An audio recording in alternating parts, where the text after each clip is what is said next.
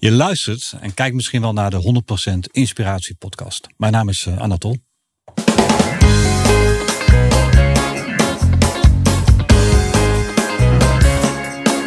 Hey, wat goed dat je luistert. Hij staat weer voor je klaar. Je wekelijkse dosis inspiratie is weer daar. De allerleukste gasten geven al hun kennis prijs. Met je veel te blije host, hij praat je bij. Zijn naam is. Thijs, Thijs,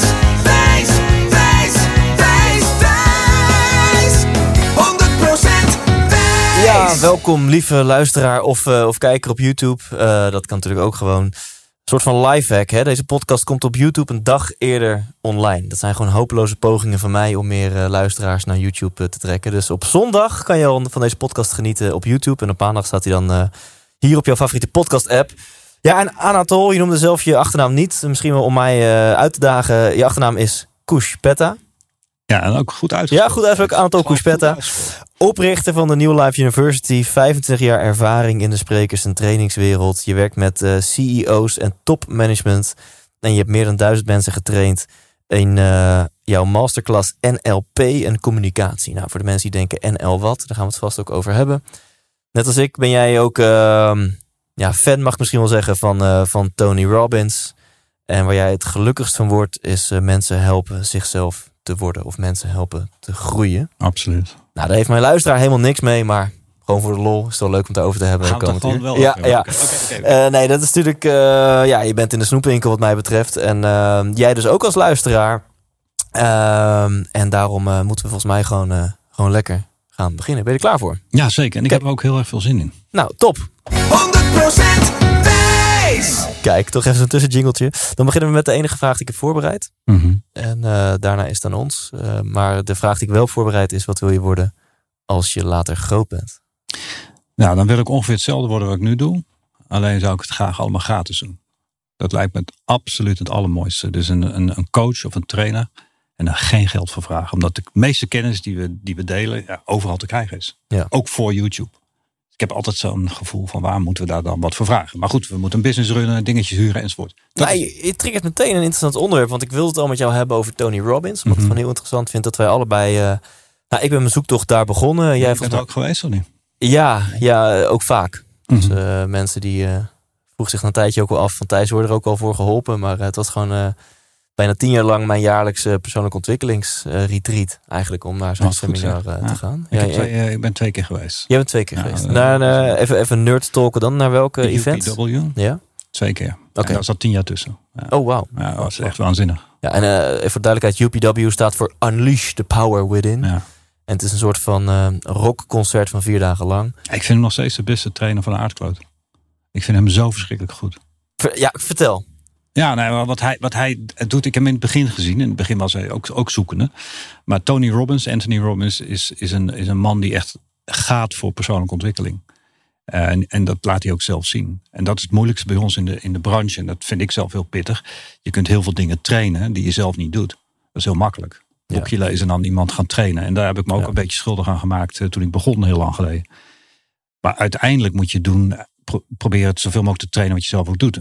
En hij noemt dat congruentie. En Ja. dat zie je bij hem heel veel. Want hij, hij ziet er gewoon eh, fit uit. Eh, hij, hij heeft een grote glimlach op zijn gezicht een paar dagen lang. En eh, ik denk dat ik dat het allermooiste bij hem vind. Dat hij gewoon traint wat hij zelf ook leeft.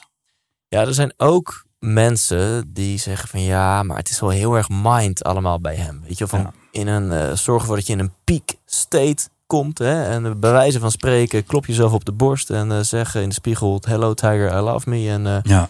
ga er gewoon voor. Weet je, ik heb het geprobeerd man, maar het werkt niet. Het werkt gewoon niet. En, en dat heeft in onze branche, eh, de, de, de personal development branche, heeft dat de term van, van de hot bath method. Dus je gaat een, een warm bad in en dan ga je lekker in zitten. En misschien ook nog wel bubbelen met een speciale uitvoering bad. En daarna ga je eruit en dan wordt het koud. Want dat bad is dan zo'n vierdaags Ja, event bijvoorbeeld. vier dagen, ja. of, je, of, je, of je pakt een kortere, maar je merkt een week lang bij Tony, dat vind ik echt knap. Een week lang ben je echt psyched. Echt. Ja. En je bent ge- opgepept en dat is een heerlijk gevoel. Dat, dat is langer dan welke andere training die ik ooit heb gevolgd. Maar ik heb mezelf direct voorgenomen toen ik zelf training ging geven, om dat niet te doen. Dus, dus ik, ik ga niet op hype. Ja. Omdat dan de val gewoon heel groot is. En positief denken moet ik ook niks van hebben. Waar ik wel wat van hebben, moet hebben, is je moet gewoon heel reëel, en volgens mij sta je hetzelfde, heel reëel omgaan met de dingen die er gebeuren. Maar je moet wel een positieve attitude hebben om, om dingen aan te pakken als Ja. ze misschien niet goed lopen. Ja. En Tony zegt het wel. Ehm, maar soms als je daar vandaan komt, ben je zo hyper de piep dat de omgeving denkt, WTF. Ja, en daar wil ik het ook met je over hebben. Hij is zo goed in state management. Oftewel jou in een bepaalde staat van zijn brengen. En, en Mhm. ja, lieve luisteraar, je bent altijd in een bepaalde staat van zijn. Mhm. Is dat gewoon Mhm. nieuwsgierig? Is het euforisch? Is het gestrest? Is het bang? Is het... Je kunt niet Whatever. zonder state. Nee, je bent altijd... Je voelt je... eh, oh, oh, oh, 24-7 kan ik een thermometer in jou prikken. En die kan dan uitslaan naar hoe jij je op dat moment voelt. Maar daar heb ik een vraag over aan jou. Oh. Als je niet voorbereid. Dit, dit, is heel gevaarlijk mij onderbreken. Nee, nee, grapje. Kom maar, kom maar. Nou, jij zegt dat van state. En eh, dat is voor mij een enorme zoektocht geweest. Want mensen zijn op zoek naar geluk. En mijn stelling was en is, is dat een, een geluksteed ontzettend goed voelt. En dat we daar heel veel voor doen en heel veel voor laten om dat te bereiken. Maar ik had mezelf voorgenomen om ergens te vragen aan jou. Kun je op zoek gaan naar, naar de state van gelukkig zijn in alle uren dat je wakker bent? Ik denk dat het een tijdelijke state is. En, en als we dat linken aan, aan, aan Tony. En nou, ik, heb, ik ken hem niet persoonlijk, dus ik wil alleen de mooie dingen zeggen. Want ik weet eigenlijk alleen mooie dingen over hem. Wat denk jij ervan? Kun je gewoon 24 uur per dag, min slaap, gelukkig zijn? Nou, laat ik hem beantwoorden en dan eh, proberen te buigen naar een vraag aan jou. Ja. Eh, ik denk van niet. Sterker nog, ik denk dat het een hele grote valkuil en misvatting in de gelukswereld is dat je altijd gelukkig moet zijn. Mhm. Of überhaupt is streven naar geluk kan soms een averechts effect hebben. Mhm.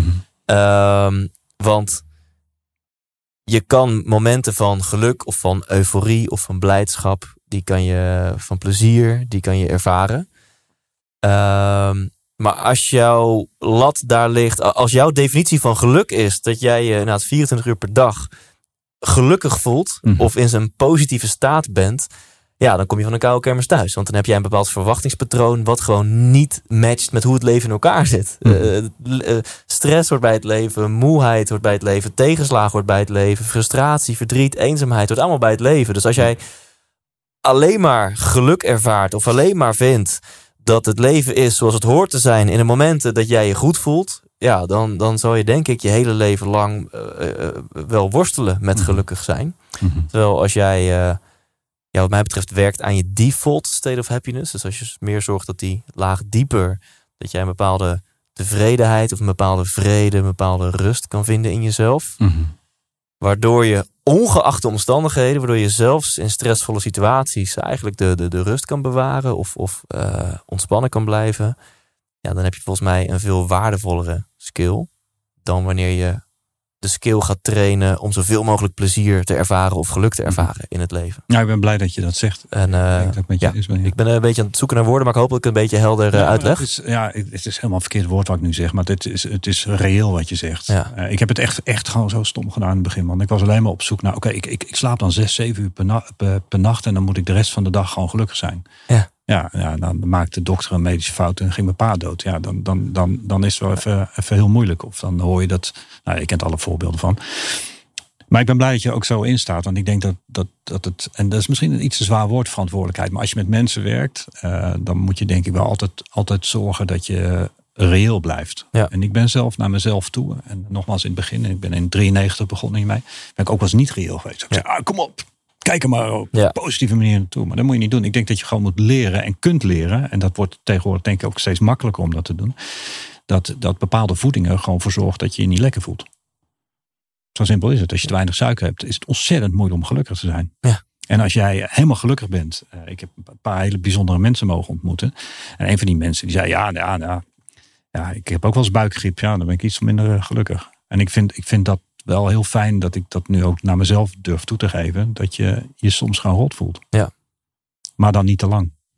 Ja, en een, een mooi voorbeeld, om dan toch nog bij Tony te blijven, hij haalt dit ook wel vaak aan, is er zijn natuurlijk mensen die lijken alles te hebben. Hebben van hun hobby hun beroep gemaakt, Ja. verdienen daar ook nog eens schandalig veel geld mee, eh, hebben succes in de schijnwerpers, een mooi huis, een mooie partner, alles top. Mhm.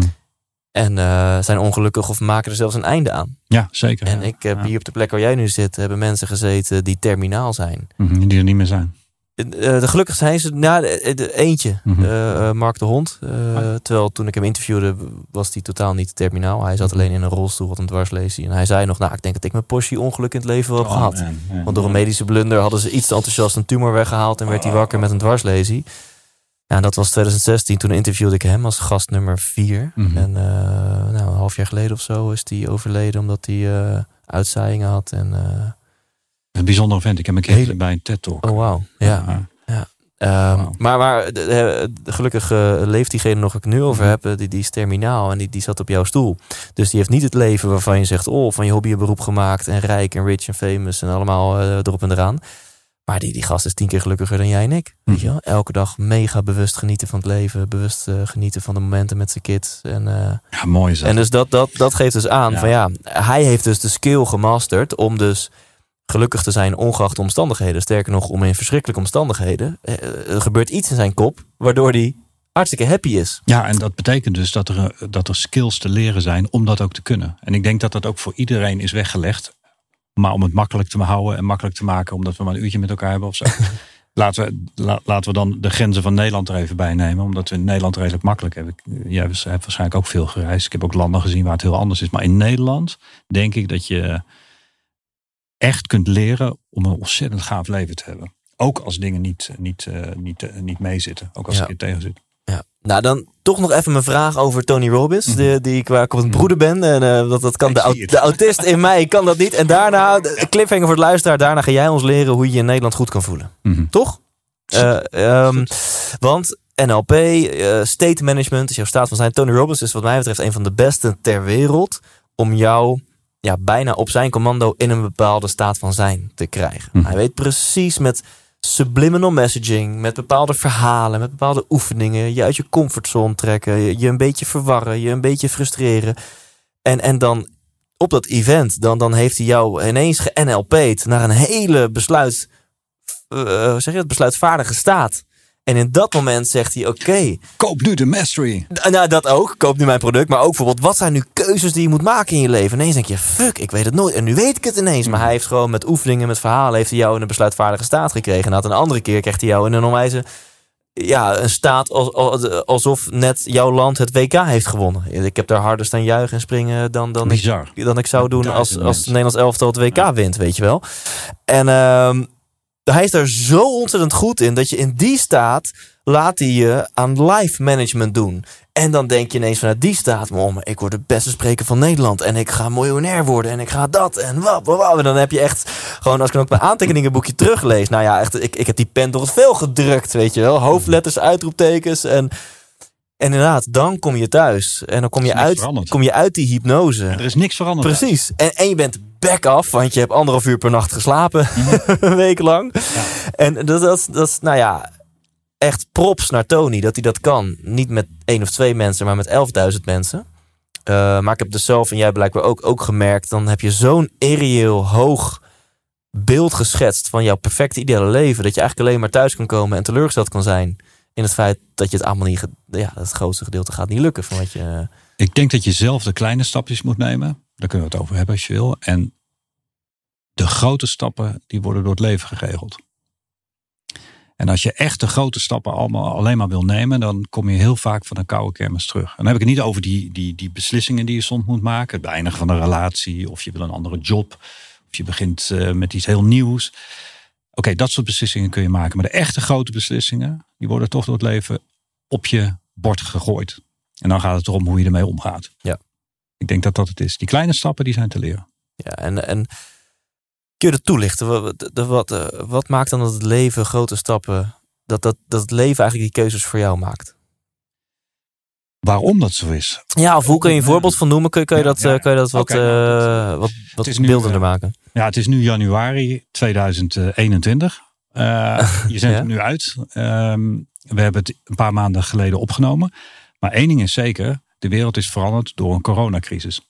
wat je daar ook van mogen denken, het is een feit dat die hele wereld verandert.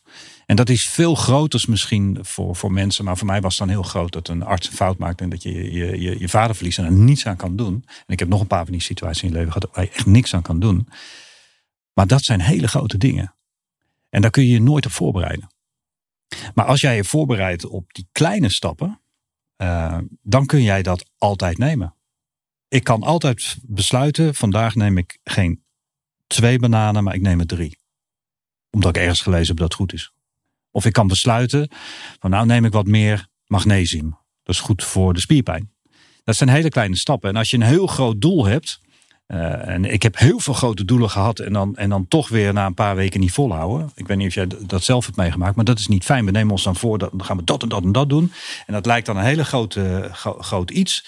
En dat is dan ook zo groot dat we vergeten om er een hele kleine stapjes in te nemen. En dan nemen we vaak de grote stappen. Of is de stap zo groot dat je hem niet wil nemen, omdat de motivatie er niet is, of omdat je je zelfvertrouwen verliest. Ja.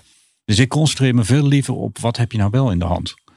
Kom er nou eerst eens achter wat je wil. Daar is een formule voor. Die formule is heel klein en heel kort. Begin daarmee. Kost je een uur werk. En als je dan weet wat je wil, ga er dan voor zorgen dat de stappen die je neemt zo klein zijn dat ze makkelijk zijn om te doen. Dat heb ik niet zelf verzonnen. Dat heet Kaizen. Heb je vast ook van gehoord. En, en er zijn allemaal labels. Nogmaals, personal development is duizend jaar oud. Behalve nieuwe inzicht. Ik hoop dat ik daar iets over mag zeggen straks. Um, kleine stappen nemen. En waarom het leven die grote dingen doet, ja, dat is mijn eigen geloof. Dat kan ik niet bewijzen. Ik geloof heel erg in het universum. Uh, dat is voor mij een kwantumfysische soep, waar oorzaak uh, gevolg uh, is, waar alles met alles is verbonden.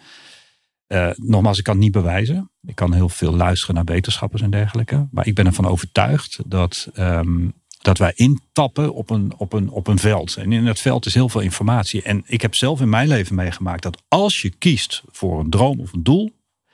en je gaat er echt voor. dan gaat het universum je helpen edoch, maar die gooit ook dingen op je pad die gewoon echt niet cool zijn. En ik denk dan maar dat dat is omdat je daarvan leert. Ja, want wat als het universum misschien pad A voor jou in petto heeft, maar jij bent er heilig van overtuigd, maar B is mijn droom ja, en ik ga ja. er keihard voor werken en ik, ik gebruik de Tony Robbins technieken om ja. dat te manifesteren. Ja. Uh, wat zegt je overtuiging dan over deze situatie? Uh, nou, in ieder geval, uh, wat ik voor me zie is een ladder die je aan het beklimmen bent. Dat is ook een cliché voorbeeld. En die staat tegen een muur, maar wel tegen de verkeerde muur. Dus heb je al je tijd en je energie heb je gegeven voor iets. En misschien ook wel mensen minder aandacht gegeven en anderen wat meer. er zijn heel veel mensen die maken werk zo belangrijk dat ze weer privé minder aandacht doen. En uiteindelijk kom je erachter dat je dat niet heeft gebracht waar je heen wilde. Of misschien dat het ergens ja, dat je uitkomt waar je niet eens over had nagedacht dat je naartoe ging, maar je bent er niet blij mee. Um, ik denk dat als je de rust neemt, en sommigen noemen dat, noemen dat meditatie.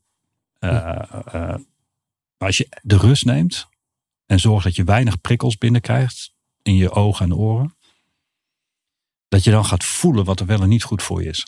Als er niks stuk in je brein is, uh, en dat is bij de meeste mensen oké, kun je dat voelen. Alleen omdat we zo druk zijn in ons hoofd, is dat gevoel er wel, maar geven we daar geen aandacht aan. Dat is één. Twee, we moeten dan ook nog het lef ontwikkelen uh, om dan ook de keuzes te maken aan de hand van dat gevoel. Want dat gevoel heeft altijd gelijk op lange termijn. Heeft iedereen denk ik wel meegemaakt. Maar op korte termijn heeft je ratio gelijk. -hmm. Als jij een hypotheek hebt die je elke maand moet, moet betalen, dan is het heel stom om je baan op te zeggen. Rationeel gezien. Maar als je niet gelukkig in die baan bent, ik heb het zelf gehad ik heb dat hard leers moeten leren.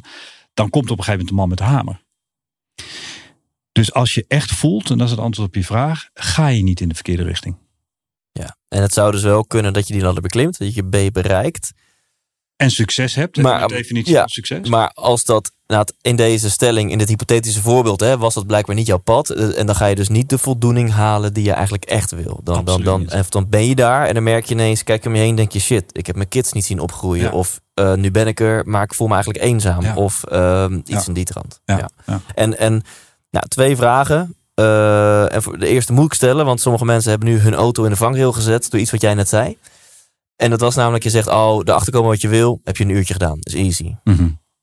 Nou, er zijn mensen die luisteren en denken, nou, erachter komen wat ik wil, daar ben ik uh, fucking al mijn leven al mee bezig. Niemand weet het. Hoe, hoe, kan, je, kan, je, kan je die workshop van een uurtje even toelichten? Wat, hoe kom je een uurtje erachter wat je wil? Ja, en, en ik moet er even eerlijk bij zeggen, ik weet niet of ik dit nou zelf heb verzonnen of dat ik het ergens heb gelezen. Ik ga er even vanuit dat ik het bij elkaar heb gelezen. Ja. Maar de methode hebben we met meer dan duizend mensen gedaan uh, uh, in de afgelopen jaren met heel veel succes. En het is bespottelijk simpel.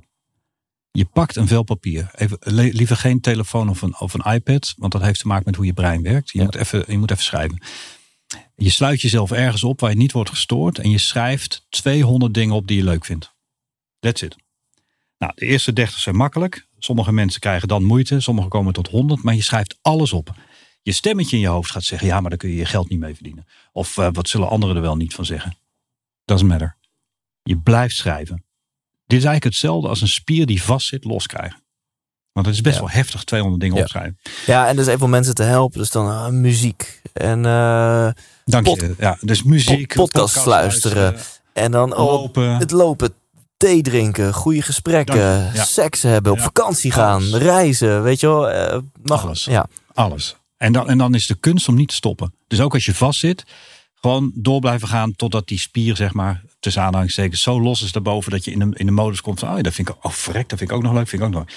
Dat is stap 1. Stap 2 is, je pakt, eh, je pakt diezelfde pen en je omcirkelt maximaal, proefondervindelijk geleerd, maximaal 15 dingen die zo leuk zijn dat je ze dag dagelijks wil doen.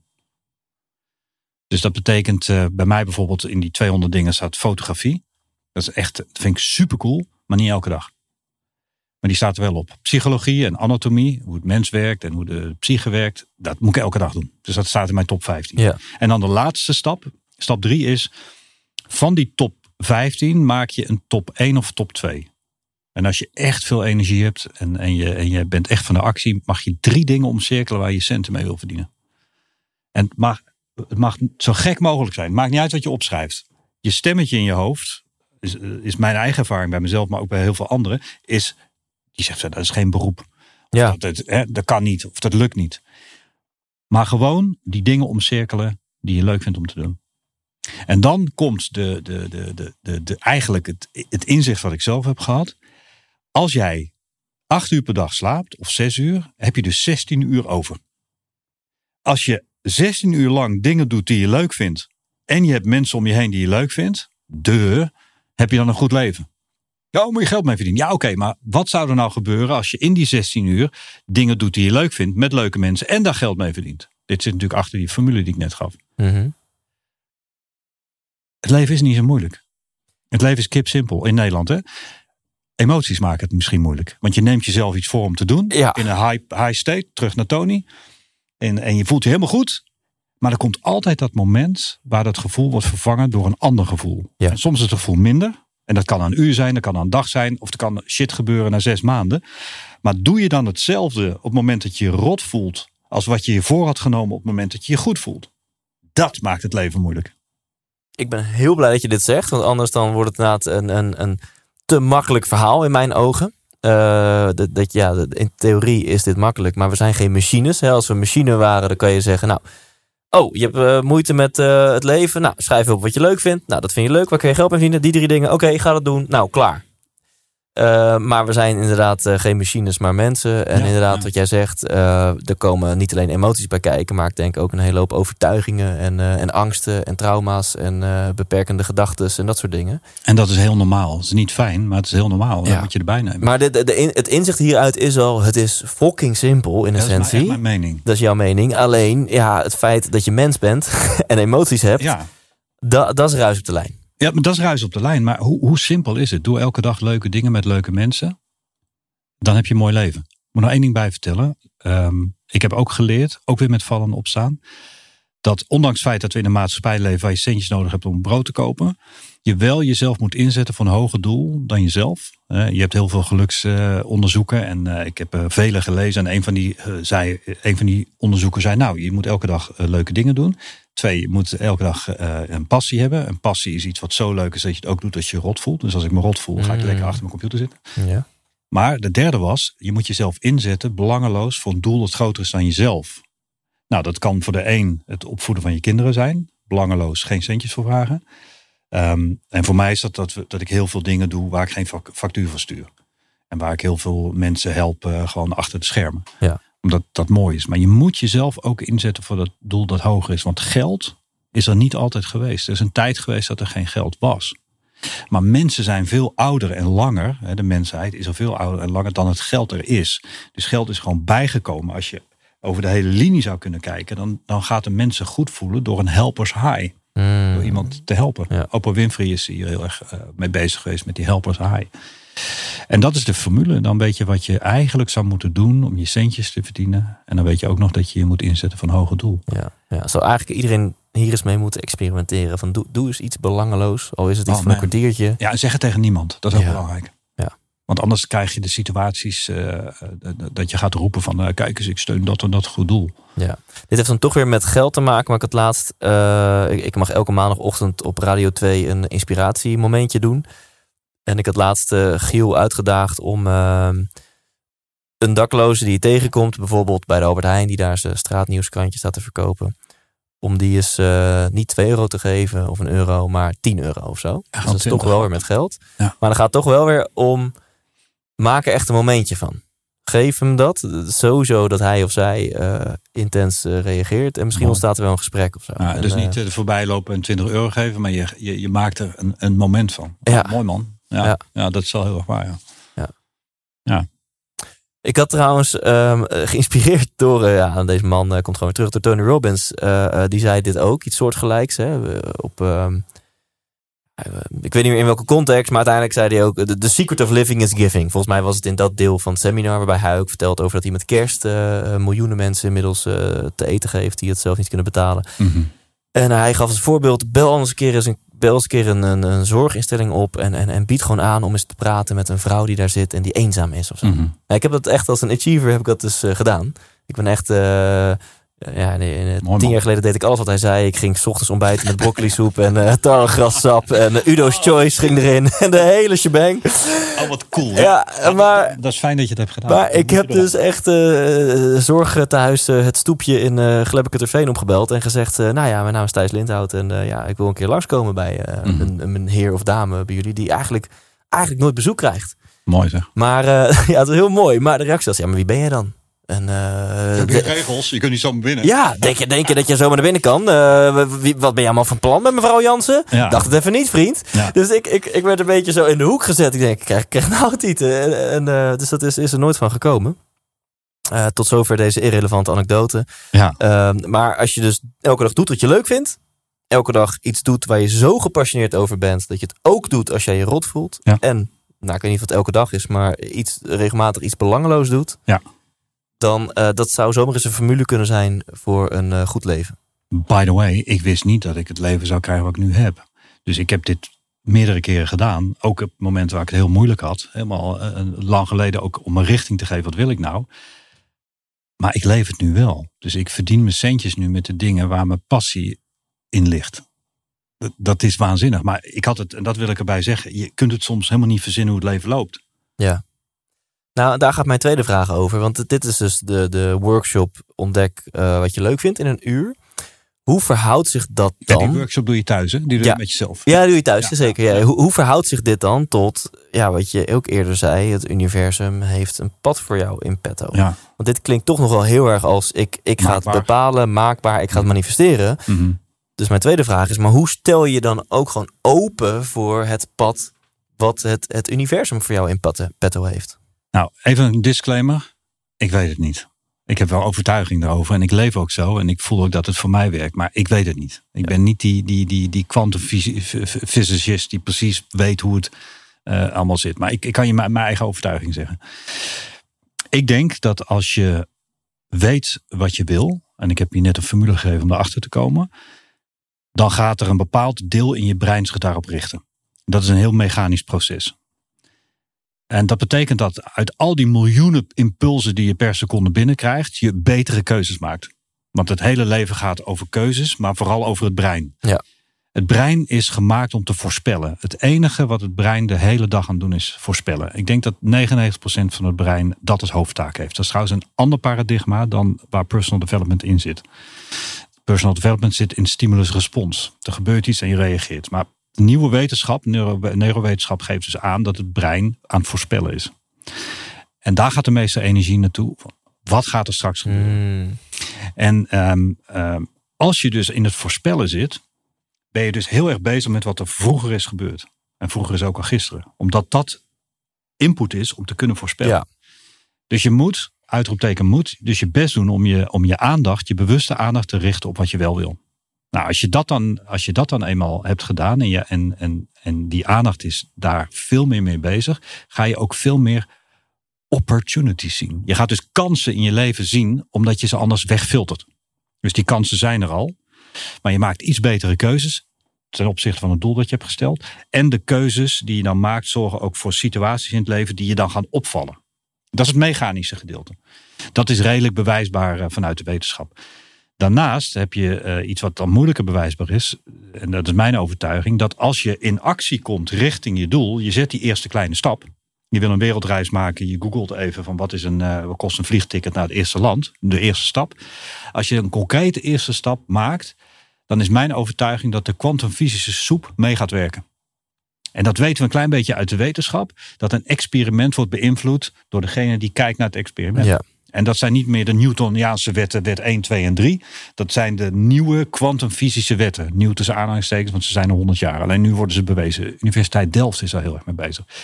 Dus denk ik, um, sterk nog, ik ben ervan overtuigd dat als je dus die stap neemt in de richting van je doel, dat, uh, dat, dat die, die soep, die energiesoep, um, door middel van de, de wet van aantrekken en afstoten, veel meer gaat intunen op wat jij wil. En ook gaat meehelpen.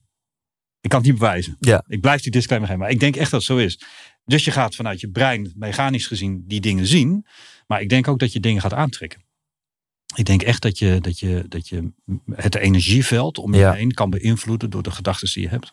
Ja, dus je zegt het wat, wat ja, noem het eh, ehm, wat, wat, spirituelere of zelfs wetenschappelijkere deel is dan dat je het ook zelfs gaat aantrekken. Het is maar je zegt, keiharde wetenschap. ja, maar het is echt, het wel spiritueel. ja, en het eerste stuk was, eh, je zei dat je ja, je er ook meer op kan focussen, maar hoe, hoe doe je dat dan? Dus want je zegt, je brein zit eigenlijk continu, wil de toekomst voorspellen. Om de toekomst te voorspellen is je brein continu in de archiefkast bezig met het verleden. Want gebeurtenissen uit het verleden, dat, dat is betrouwbare info om de toekomst te kunnen voorspellen. En hoe, hoe kan je dus in, in die ene procent komen? Hoe kan je daaruit komen en, en dus je, je gaan focussen op, op je doel? Ik heb ehm, een, eh, een Apple Watch, zoals heel veel mensen. Ja. En daar zit een eh, vibratiefunctie op. Ehm, en af en toe zet ik hem aan. En dan hoor je niks, maar ik voel zut, zut. En dat is een herinnering dat ik eh, weer aan mijn doel denk. Ik kan niks anders verzinnen dan zo simpele dingen, omdat we de hele dag worden afgeleid. Ja. Nou, je kunt wel zeggen, ja, je moet jezelf een 7 geven. En je moet je op, omringen met mensen die 8, 9 en 10 zijn. Ja, eens. Maar dat is niet makkelijk altijd. Apple Watch is makkelijker. Ja, dus oké, dus je zegt the how will come. Verzin een You manier. know the why, the how will follow. Ja, precies. Ja, ja, If the why is big enough. Maar je, je bent wel mens, dus, dus je mag best een Apple Watch gebruiken om je aan, aan je missie of je doel te herinneren. Ja, maar e- even een beetje discipline. Vind iets voor jou wat voor jou werkt. Om, om een aantal keer per dag Ja, te denken aan jouw missie, aan jouw droom, aan jouw doel. vraag. Of eigenlijk vraag aan mezelf die ik heel vaak stel. Van, is discipline nodig om je doel te bereiken? Dat is een, dat is een moeilijke vraag. Ik, ik ga hem proberen te beantwoorden. Ik hoef niks te doen hier. ja, nee, maar ook, ja. Ja, nee, ik vind het mooi. Wil je het weten? Ja, nee, nee, laat maar zitten. Discipline is niet Ja, ja. leuk. Discipline is niet leuk. En discipline heeft een heel negatief woord. En als ik als coach kijk naar de mensen die ik mag begeleiden en naar mijn eigen leven, dan zit het hem daarin. Mensen denken discipline nodig te hebben. Maar als jij een klein kind bent en je bent vier jaar oud en er staat daar een heel mooie doos ingepakt en je gaat hem uitpakken en op die doos staat speelgoed voor 12 jaar en ouder. Denk je dat het kind acht jaar wacht? Die duikt daar volop. En zo is het ook met dingen die je leuk vindt. Die ga je gewoon doen. Dingen waar je gepassioneerd voor bent, hoef je jezelf niet echt voor in een modus te zetten. Dus mijn stelling is dat, dat discipline wel nodig is. Want je moet soms stapjes maken en die ene persoon opbellen. Ook als je je niet goed Ja. voelt. Maar toch is eh, discipline highly overrated. Hm. Want mensen vinden het niet fijn om het te doen. Ik heb zo vaak geprobeerd om discipline te krijgen. En als ik nu eerlijk in mezelf kijk, heb ik alleen maar agendadiscipline. Maar hoe denk je dan over de volgende stelling? Als je op de lange termijn een leuk en makkelijk leven wil, moet je vaak op de korte termijn de moeilijke weg kiezen. Ja, daar ben ik het niet mee eens. Kun je dat toelichten? Ehm, het zit hem in het woord vaak. Als je het woord vaak niet had gezegd, dan eh, had ik eh, het met je eens geweest. Soms. Ja, dan ben ik het met je Oké, dus je moet soms op de korte termijn een moeilijke weg kiezen om op de lange termijn een makkelijk leven Ik te hebben. probeer me uit te leggen. We hebben waarden. ehm, dingen die we belangrijk vinden. En een groot deel van onze zintuigelijke, uh, waarne waar zintuigelijke waarnemingen, die worden gefilterd door gevoel, maar ook door waarden. En waarden zijn dingen die je belangrijk vindt. En op een onbewust niveau richt je automatisch daar je, je aandacht eigenlijk op. Als je tegen je waarden ingaat, voel je je niet, niet heel erg lekker. Um, wil je alsjeblieft je vraag herhalen? Ik hem goed beantwoord. Uh, of je op de, uh, oh, ja, de, de, stelling korte termijn ja. moeilijke weg. Ja, dankjewel. Dan, dan is er iets heel geks aan de hand met waarden. Um, als jij altijd dat doet wat goed voelt voor je waarden, dan verzwakt dat systeem een beetje. En ga, ga je ook dingen doen die eigenlijk niet kloppen bij je waarden. Mm -hmm. Daarnaast is, is er iets geks wat ik ook niet kan bewijzen, maar proefondervindelijk uh, heb ontdekt is dat als je je volle aandacht richt op het tegenovergestelde van, van de waarde, ik ga, zal zo een voorbeeld geven, dat je juist meer van je waarde krijgt. Dus bijvoorbeeld, mijn allerhoogste waarde is vrijheid. Ik, ik zat in een trein in China, was ik aan het rondtrekken met een boek en daar stond in, schrijf al je waarden op. En bovenaan staat bij mij altijd vrijheid. Dat heeft een beetje te maken met mijn familie en mijn achtergrond. Mijn vader was politiek vluchteling, dus vrijheid. En toen zei dat boek, waarschijnlijk heb je niet veel vrijheid. Je eerste waarde. Ik dacht, what the fuck. En toen stond erbij, als je vrijheid als waarde hebt, ben je het waarschijnlijk zo aan het bevechten dat je niet vrij bent. en toen stond daaronder, als je meer wil hebben van je belangrijkste waarde in het leven, dus in mijn geval vrijheid, mhm. zul je een beetje van het tegenovergestelde moeten toelaten, zodat je mhm. vrijheid meer krijgt. En bij mij betekent dat, ik heb agendaafspraken in 2022 al. Nou, dat is voor mij echt geen vrijheid. Maar door dat toe te laten, heb ik opdrachten, uh, mag ik ergens spreken of mag ik een bedrijfsopdracht doen, dan heb ik centjes en met centjes heb ik weer vrijheid. En dat is, dat is zoiets aparts. En, en er zijn mensen die uiteindelijk achter hun waarde komen en daar vol voor gaan en die krijgen tegenovergestelde. En ik zeg dat in mijn woorden, uh, zoals het bij mij voelt, het universum heeft een paar regels. En een van die regels is de regel van de paradoxen, van de tegenstellingen. Als je dat heel veel wil, moet je het tegenovergestelde een beetje toelaten. Ja, maar als dan jouw nummer één kernwaarde liefde is, moet je dan een beetje haat gaan toelaten in je Zeker. leven. Althans, dat zei dat boek. Dat, ja, nee, ik, ik zit denken, hoe doe je dat dan, haat toelaten in je leven? Ik snap het. Mensen gaan heel erg voor liefde. Hè? En dat is fantastisch. Dat is, een, dat is echt heel erg belangrijk. Maar met liefde wordt je buik niet gevuld. Dus soms heb je gewoon honger en moet je naast liefde, het liefste met liefde, ook nog centjes verdienen of andere dingen. Mm En soms moet je ook wel eens dingen doen met liefde die je niet leuk vindt. En soms moet je ook eens met liefde afscheid van iemand nemen. Dus liefde is denk ik heel belangrijk. Uh, Misschien dat we dan het woord liefde romantiseren. Dat liefde is alleen maar op een roze wolk zitten en lieve dingen tegen elkaar zeggen. Ja, misschien is de definitie inderdaad. Liefde kan ook zijn, ik, ik stop bij deze baan, ik stop met deze relatie. Of ik zeg iets confronterends tegen jou. Of ik geef mijn grens aan. Dat is ook liefde. Ja, dat is ook liefde. Ja. Wat is je opgevallen? Nou, wat mij echt is opgevallen, dat mensen die het hardst praten over liefde, vaak de, de ober uitschelden. Hmm. Is dat altijd zo? Nee, daar zit er weer het woordje vaak misschien. Maar ik, ik, ik merk dat, dat, dat het leven niet alleen om liefde draait. Het wordt wel mooier met liefde. Maar er zijn gewoon ook dingen die niet fijn zijn. Ik ben zelf vader van een zoon. En soms moet je beslissingen voor hem nemen die hij niet fijn vindt. Ja. Nou, je, triggert nu een interessante vraag, al zeg ik het zelf. Wat je natuurlijk vaak ziet, is dat mensen die ergens expert in zijn. Nou, het voorbeeld van bij de, bij de schilder hangen zelf uh, de bladeren verf uh, aan zijn huis, zeg maar, aan de muur. Ja. Uh, ik ben geluksonderzoeker en dan is soms de veronderstelling van mensen dat ik extreem gelukkig ben. Ja, nee, waarom ben ik het onderwerp geluk gaan bestuderen? Omdat ik er zelf geen reet van begrijp. Mm goede vriend en coach van mij, Albert Sonneveld. Die een van zijn eerste boeken ging geloof ik over leef stressvrij of zo. Of leef zonder stress. Mhm. Ja, waarom is hij dat boek gaan schrijven? Omdat hij was zo'n grote stresskip. Dat hij erachter wilde komen. Uh, hoe werkt stress? David Daida, Kracht van echte mannen. The Way of the Superior Man. Mhm. Ja, die, die, die, die, die snapte zo erg geen reet van wat, wat man zijn nou inhoudt. Dat hij er maar expert in is geworden, zeg maar. Mooi. Uh, maar ik zie dus ook wel eens en ik ga uiteraard geen namen en rugnummers noemen, maar want ik ken heel veel uh, experts en, en influencers en, en, en sprekers voor en achter de schermen. Ja, dat zelfs tot aan de spirituele leiders toe, dat je die achter de schermen uh, soms dingen ziet doen. Dat je denkt, wow, oké. Okay. Thijs, uh, het goed als ik niks meer zeg, maar het wel met je eens ben? ja, wij, hebben alle twee een mega netwerk van bekend en onbekend Nederland. Um, ja, daar praat ik niet over. wat je moet doen is eh, sorry voor het woord moet. En dan zeg ik het tegen mezelf. Let's do it better. Nou, laten we, niet, laten we niet gaan roddelen, maar laten we eerlijk zijn. Aangezien jij, ja, je bent expert in, in het leven, in groeien, in mensen helpen zichzelf te worden, in, in mensen hun kracht zetten. Mhm. Dus wat is het waar jij zo erg mee worstelt, waardoor je je hierin bent gaan storten? Nou, waar ik, waar ik enorm mee worstel, is dat, ehm, dat we centjes moeten vragen voor dit vakgebied. Terwijl ik het snap, als ondernemer begrijp ik dat. Eh, maar het liefste leef ik in een wereld waar dat, ehm, ja, waar, eh, eigenlijk alles aan elkaar gegeven wordt. Ook al weet ik dat het nivelleert en het mooie ruilmiddel, maar dat, dat, dat vind ik heel moeilijk. En ehm, ik ben eigenlijk een Einzelganger. Dus ik zit het liefste alleen of met één of twee mensen om me heen. Echte intimie. Eh, nou, we zijn toch eerlijk. Het liefst zit ik achter een laptop en doe ik research. Dus wetenschap. Mijn vader was een wetenschapper. Eh, en daar heb ik waarschijnlijk iets van meegekregen. Mhm. Terwijl ik op podia sta eh, eh, en, en optredens doe. En, en in het bedrijfsleven allemaal in, in, in omgevingen kom waar je gewoon en geen fout kan maken. Maar ook waar je op resultaat wordt afgerekend. Dus ik heb er totale rust in gekregen besef wel dat ik in een spagaat leef.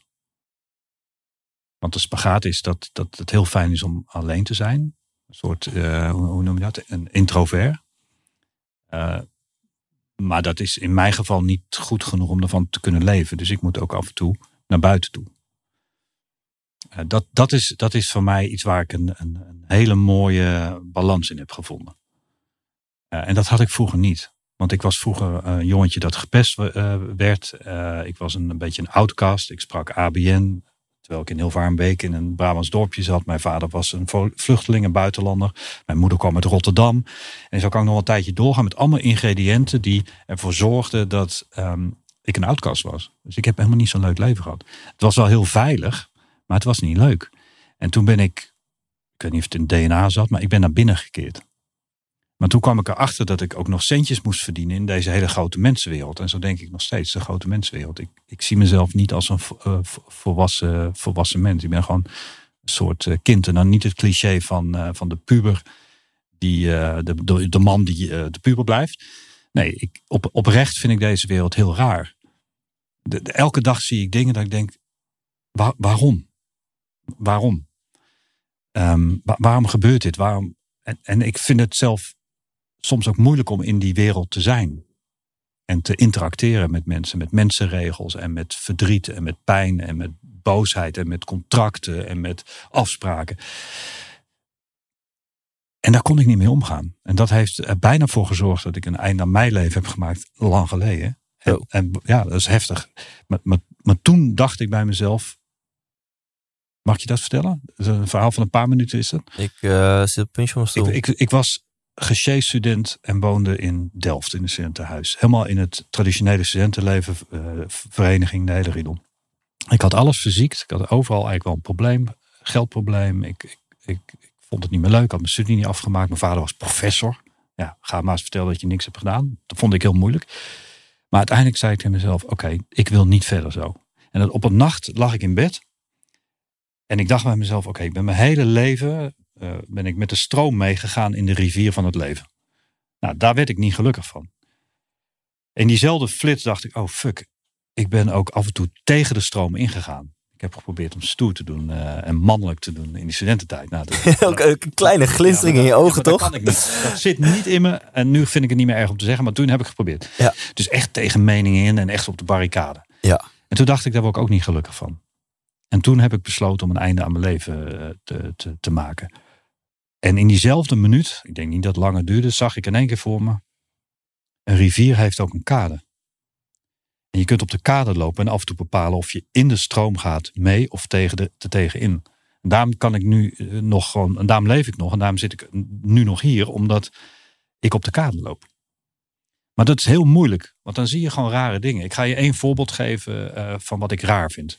Even los van eh, de gezondheid van mensen en welke belangrijke dingen we nu allemaal in deze periode hebben en hoe heftig het allemaal is. Ik rij in mijn eentje op de A1 in mijn auto. Bij een oprit komt iemand de oprit af, op. Dus we rijden met z'n tweeën op de A1. En er is helemaal niemand op de ei. Dat was het begin van de lockdown in, in 2020. En die heeft een mondkapje op.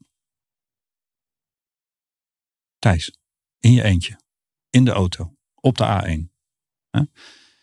En, en dat heb ik dus de hele dag sinds ik ben geboren, dat ik dingen zie waarvan ik denk, waarom? Nou, dat maak je dan een outcast. En dat heb ik omgebogen, antwoord op je vragen, door mensen te gaan helpen. Want toen was ik in één keer iemand. Hmm. Dat, en dat zul je misschien bij meer mensen horen die in dit vak zitten. Ik begon mensen te helpen. Mijn skills werden beter. En dat, daar probeer ik elke dag nog beter in te worden. En, en, en ik krijg heel veel terug. Schouderklopjes, applaus. En, en, en is deze conclusie met terugwerkende kracht? Of was jij jezelf toen de tijd er heel erg van bewust? Van oké, ik voel me een outcast. Weet je wat, ik ga mensen helpen. Want dan heb je Ja, toch het gevoel ja, alsof ik nuttig ben. Ja, zeker. De- zeker. Maar tweede, ik had geen social skills. Daar kwam ik achter in de studentenvereniging. Dat waren allemaal mensen uit hele goede milieus met hele goede skills. Ik kon, ik kon gewoon geen dialoog. eh, dit- die spanning heb ik nog steeds. eh, niet spanning voor dit gesprek, maar de spanning dat ik hoop dat ik interessant genoeg ben. Ja. Alleen, ik heb er geen last meer van. Dus ik heb het omgebogen. Maar ik voel het wel, want ik wil dan iets betekenen. En, en toen kwam ik erachter, dat kwam door de tijd dat ik gepest ben. Als je mensen aanraakt, fysiek, dus bijvoorbeeld eh, op de schouder of op de bovenarm, eh, of je helpt mensen, dan gaan ze je niet meer pesten. Dus als jij, als jij een vijand, ik heb eh, bij Defensie gezeten als dienstplichtige militair, daar, daar werden mensen geen mensen meer genoemd, maar dat zijn objecten. En die moet je niet aanraken, hoogstens om eh, ze te verwonden of iets mee te doen. Dus ik wist er heel snel, als je mensen aanraakt, letterlijk of figuurlijk, is de kans dat ze je gaan pesten of terugpakken klein. Letterlijk fysiek aanraken. Fysiek. Ja, fysiek. Dus een bovenarm, onderarm.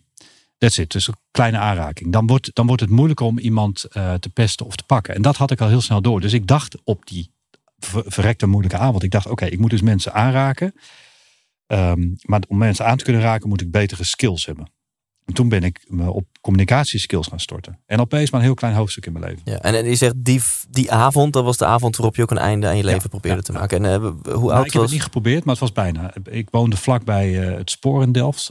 eh, op de Westerstraat, vlak achter het station. En daar af en toe sprong er iemand voor. Dus het was voor mij gewoon een kort loopje. En ik was al opgestaan om dat loopje te gaan maken. En toen kreeg ik die flits in mijn kop dat ik dacht, van, fuck, er is ook een kade. En, en ja, dat, dat, dat is heel fijn. En zo heb ik, zo heb ik het voor mezelf eh, makkelijk gemaakt in deze wereld die soms wel een beetje gek is. Ja. En de wereld zal mij natuurlijk ook gek vinden, maar dat is oké. Ja. Maar dat, dat heeft handen en voeten gekregen op die manier. heel sowieso eh bijzonder dat je dit verhaal deelt. Ja, nou ja, dat, maar ook een hele mooie vraag, man. Dankjewel. Ja, maar, maar dat je, dat je dus, ja, maar jij legt een link, eh, en ik ben ook lerend podcast host, maar jij legt een heel mooie link waardoor ik dit antwoord geef. Jij zegt namelijk, je- platgeslagen, waar ben je dan goed in, waar, waar ben je mee bezig? En heb je dat dan laat, vroeger dan ook, ja, je weet wat je hebt gevraagd. Dat- Ja. Dank je. Dat is een learning van mij. Oké. Mooi, man. Nou, ja, thanks. Ik, eh, dan word ik bijna ongemakkelijk als je me complimenten gaat geven. Oké, dat doe je verdomd slecht van. nou, is dat. Nou, wat ik nog wel wou zeggen, eh, want heel eerlijk dat jij deelde. Eh, ja, ik voelde toch een beetje spanning in zo'n gesprek. Van ga ik wel interessant Ja. zijn? Ja, en en je noemde zelf net iets over eh, dat je vaak het paradoxale op moet zoeken. Zeker. Het laatste wat je moet doen als je interessant wil zijn in een podcast, is dan mijn ervaring, eh, is interessant willen zijn. Mhm. En dan kun je het beste het tegenovergestelde opzoeken. Ga maar iets delen wat totaal niet interessant is. Mhm. En dan ga je waarschijnlijk veel interessanter zijn. Dank voor je En eh, ik heb echt wel eens. Stel dat we nu ineens gaan hebben over koffie. En je zegt, nou, weet je, ik echt lekker Mhm. vind, joh, om in mijn koffie een beetje een klontje room, whatever. Dan in je hoofd denk je, nou, dit is totaal oninteressant. En dat maakt het dan juist interessant. Dankjewel, man. Ehm, ehm, en toen, die, die desbetreffende avond, want het, is echt, eh, het raakt me echt een mooi, mooi verhaal. Eh, alsnog, want je gaf aan, nou, toen ben ik me in communicatie gaan verdiepen en uiteindelijk NLP. Want inderdaad, er, er zijn miljoenen manieren om anderen te gaan helpen. Ja. Eh, je had op dat moment ook mogelijk gewoon een baan. Eh, dus, dus kun je dat iets concreter maken, zodat misschien een luisteraar die ook op zo'n eh, keerpunt zit in zijn of haar leven, er eh, wat handvatten uit kan halen. Hoe, hoe je misschien wat kan leren van de stappen die jij hebt gezet in zo'n sleutel. Of Ja. in zo'n ja, zo'n sleutelmoment in je leven. Ehm, mijn vader en mijn moeder zeiden altijd: wees jezelf. En dat heeft mij heel veel problemen gegeven. Waarom? Omdat een mens niet zichzelf kan zijn. Je bent een sociaal wezen. Je interacteert altijd in een omgeving. En je wil nooit de, uh, afgewezen worden. Fear of rejection is een enorm grote angst.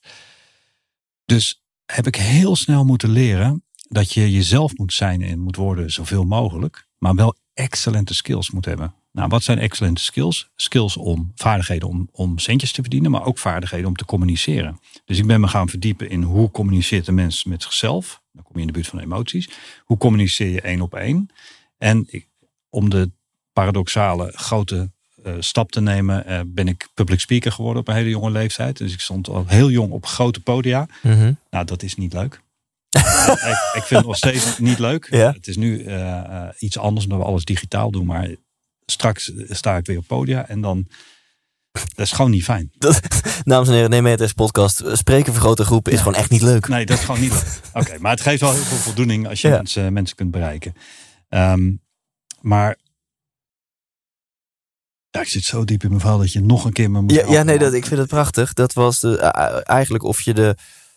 Eh, nou, ja, nou, ja, ik vroeg, kan je de luisteraar Oh, ja, wat handvatten geven? ja. En toen begon jij ineens, mijn ouders hebben gezegd dat ik mezelf moet zijn. En was het slechtste advies wat ze me hadden kunnen geven. dus ik was, ik was helemaal benieuwd welke kantje. Zo gepassioneerd praten. Ja, dat nee, maar je hebt nou wel een zaadje geplant. Zijn we wel. ja, nou ja, wat, wat dan heel erg belangrijk is, is dat je je in de spiegel moet aankijken en moet zeggen: Ik ben nog niet goed genoeg. Ja? For things to change, I have to change. For things to get better, I have to get better. Dus je leven wat je nu leidt is een afspiegeling van wat je als overtuigingen hebt, maar ook überhaupt een afspiegeling van wat er in jezelf gebeurt. Dus als jij vindt dat je leven niet goed is, ben jij gewoon niet goed in skillset. Je bent diep van binnen misschien wel goed, maar je bent gewoon niet goed Ja, genoeg om genoeg waarde toe te voegen om, om daar ook van te kunnen leven en al die hele. Dus werk aan de winkel. Ja, ik ben blij met die mini-disclaimer tussendoor. Want ik, ik, mijn hele brein die... Je kan inderdaad zeggen, je diep van binnen ben jij goed genoeg. Hè, Liefde en licht, kunnen we zeggen. Alleen in je doen en laten of in je gedrag, of in Ja. je patronen... doe je dingen blijkbaar niet goed. Want daardoor voel je je niet goed. Nou, dank voor deze essentie. Toch? Dat, dat, Ja, is, dat is je punt, ja. Ja, waar je dus dan achter komt, is dat je eh, dat gedrag niet je identiteit is, want daar hebben we het over. Ehm, eh, gedrag en identiteit zijn twee dingen. Dus jij bent van binnen oké. Je bent een prima mens. ehm, maar je gedrag is nog niet goed genoeg. Dat is een aanname die je moet doen. Dus ik heb tegen mezelf gezegd: mijn gedrag, mijn skills zijn onder de maat. En wat dan helpt is weinig zelfvertrouwen. Want dat, dat heb ik toen niet gehad, maar nu nog steeds niet. Dus dan wil je altijd verbeteren. Dus de, dat noemen ze de insecure overachiever. Dus nog steeds ben ik al, al dingen aan het, a- a- a- aan het verbeteren enzovoort. Dus wat ik Ja. toen deed, is toen ik zei van oké, dan moet ik beter worden. Toen ben ik zelf gaan lezen. Internet eh, was er nog niet. Ik heb heel veel gaan lezen. Ik ben heel veel gaan reizen. Heel veel eh, mensen eh, die veel beter zijn in iets gaan bevragen. En toen kwam ik erachter dat elke vaardigheid te maken heeft met een spierbeweging. Zelfs praten. Want dat zijn gewoon vier kleine spiertjes en die noemen stembanden. Dus elke skill die je ooit kan leren en die er is, is een spierbeweging. En dat is te leren, want je kleine hersenen, het motorische aanstuurcentrum, kijkt mee bij alles wat jij bewust doet en loopt te klooien. En als je het vaak genoeg doet, neemt hij het over en dan wordt het automatisme. En dan kom je bij het cliché onbewust incompetent. Dan word je bewust incompetent. Dan word je bewust competent. Dan word je onbewust competent. Maar dat is nog een level hoger. Dat, Oh. is, dat is namelijk eh, onbewust excellent. En dat Hmm. houdt in dat je die 10.000 vlieguren moet maken. Dus dan blijf je doorgaan, blijf je doorgaan, blijf je doorgaan. Dat heb ik vanaf dat moment gedaan. Ik heb altijd aan mezelf getwijfeld. En daardoor groei je continu. En dan moet je continu op zoek gaan naar waar kan ik mijn skills nog meer verbeteren. Hoe vaak ik niet mensen heb die zeggen, ja, ik wil dit en ik wil dat. En dan kijk ik naar zo iemand en denk ik, dan moet je toch eerst verbeteren, vriend.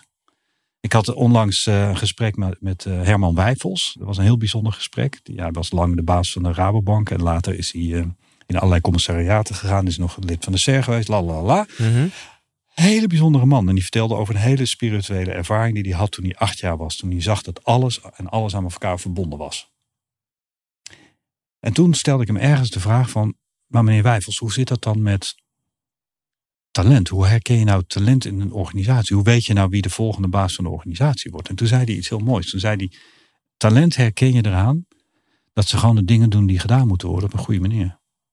Dus niet de mensen die over hun carrière praten. Niet de Mm. mensen die wit voetje proberen te halen. Niet de mensen die willen slijmen. Niet de mensen die kan carrièreplanning doen. Nee, dat zijn de mensen die zich concentreren op hun eigen vaardigheden. Eigen skills. Hun eigen spierbewegingen. En elke keer die verbeteren. En het resultaat bereiken binnen daar waar zij op dat moment voor opgesteld staan. En dat is wat ik dan aan mensen, ja, wie ben ik om dat te doen, maar goed, aan mensen wil meegeven. Als je je lijstje hebt gemaakt van dingen die, je- die je leuk vindt. Ja, want zo concreet is het. En je maakt je top 15. En je weet waar je centjes mee eh, eh, wil verdienen. Alsjeblieft. Zorg dat je never nooit meer zelfvertrouwen hebt.